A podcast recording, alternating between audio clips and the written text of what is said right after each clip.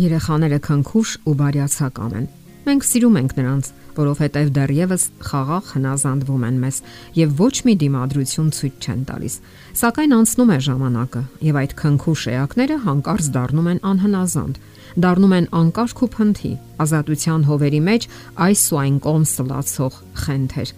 Իսկ ծնողները բռնում են գլուխներն ու բացականչում։ Այս ինչպես տեղի ունեցավ այս ամենը։ Ինչպես եղավ, որ մաքուր հակնվող ժամանակին կանոնավոր լողացող եւ կոկիկ հակնվող նախկին մանուկը առանձնապես հիացած չէ լոգարան գնալուց, եղունգները երկար են, իսկ գուլպաներն ու վերնաշապիկները փոխելը դառնում է պատմական գործընթաց։ Ինչպես ասում են, շատանում են գլխացավի առիթները։ Իսկ ինչու է այդպես լինում։ Ծնողները պետք է իմանան, թե ինչ է կատարվում նախքին երեխայի հոգում եւ ինչն է այդ ամենատարբեր փոփոխությունների պատճառը։ Պետք է հասկանանք եւ գիտակցենք նաեւ ընդունենք, որ նրանք այլևս մանուկ չեն։ Ահա ամենագլխավոր եւ իրական պատճառը։ Նրանք չեն պատկերացնում, որ իրենք աճում են թե ֆիզիկապես եւ թե հոգեբանորեն, որ մարդիկ իրենց այլևս երեխա չեն համարում եւ արդեն ուրիշ սպասելիքներ ունեն։ Հասկանալի է նաեւ, որ նրանց համար նույնպես դժվար է յուրացնել նոր դերը եւ մտնել նոր զգեստի կամ կաղապարի մեջ, իսկ ծնողները պետք է պատրաստ լինեն դրան եւ խաղաղ ու բնականon հակազդեցություն ցուցաբերեն։ Մանկական տարիքից դեպի պատանեկության անցումը առանց ցնցումների երբեք չի լինում։ Երանդուն արտադրվում են հորմոնները։ Շարունակվում է ձևավորվել ուղեղը, սակայն ամեն ինչ չէ, որ այնտեղ համաձայնեցված է տեղի ունենում։ Հորմոնային փոթորիկները շփոթության են մատնում հենց իրեն, պատանուն։ Նրա համար էլ տարօրինակ է ու զարմանալի, որ зерքերը երկարել են ծիծաղելի բուսականություն է հայտնվել դեմքին ու մարմնի այլ հատվածներում։ Պատանին սկսում է համակերպվել իր այդ նոր մարմնին եւ իրականությանը։ Դժվարությամբ է ընկալում այն ճշմարտությունը, որ իր արտաքին տեսքը այժմ կարևոր է եւ ինքն է պատասխանատու դրա համար։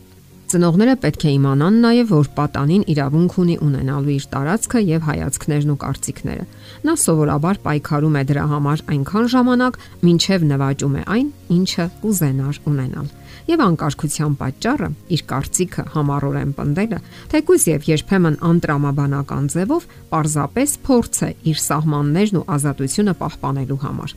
Իր անկյունում կամ սենյակում նա իրեն զգում է ինչպես արջը սեփական բնում։ Նա իրեն զգում է որպես սեփականատեր եւ այն ծառայում է իրեն որպես ռմբապաստարան, այսպես կոչված, որտեղ միայն ինքը կարող է թաքնվել, իսկ ահա ուրիշները չեն կարող ներխուժել առանց իր թույլտվության։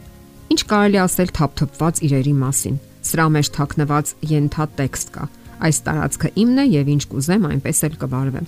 Մայրիկը մաքրել է կոկիկ ու անհասկանալի ձևով։ Դա այլևս իմ տարածքը չէ։ Ինձ այստեղ հարմարավետ ու անվտանգ չեմ զգում։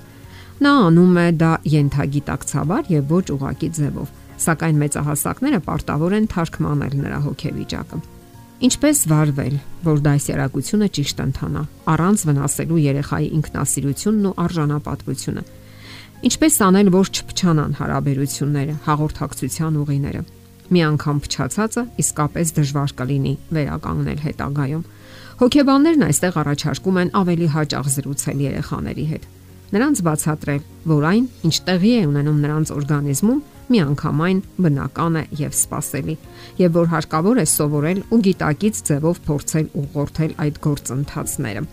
Նաև պետք է պայմանավորվեք որոշ աշխատանքների վերաբերյալ, որ նրանք պարտավոր են անել եւ որ հենց դա է սպասվում իրենցից։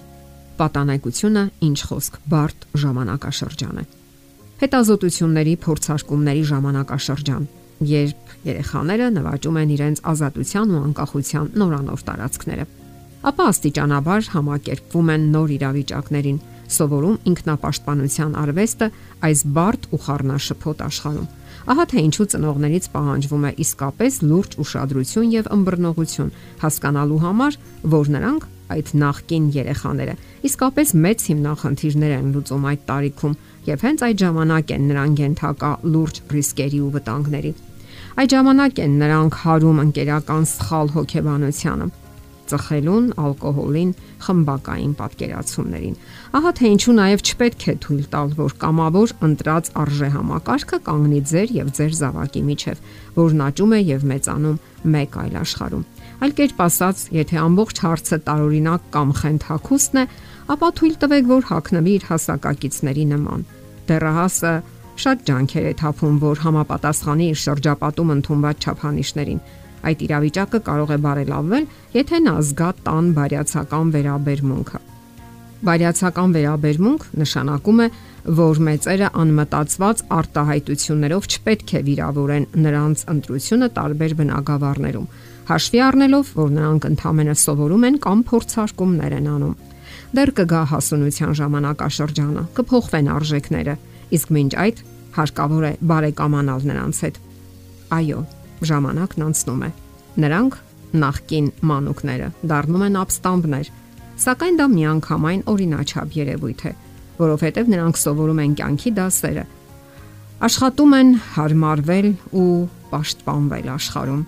Եւ առաջին մարտերը հենց ձեզ հետ են մղում։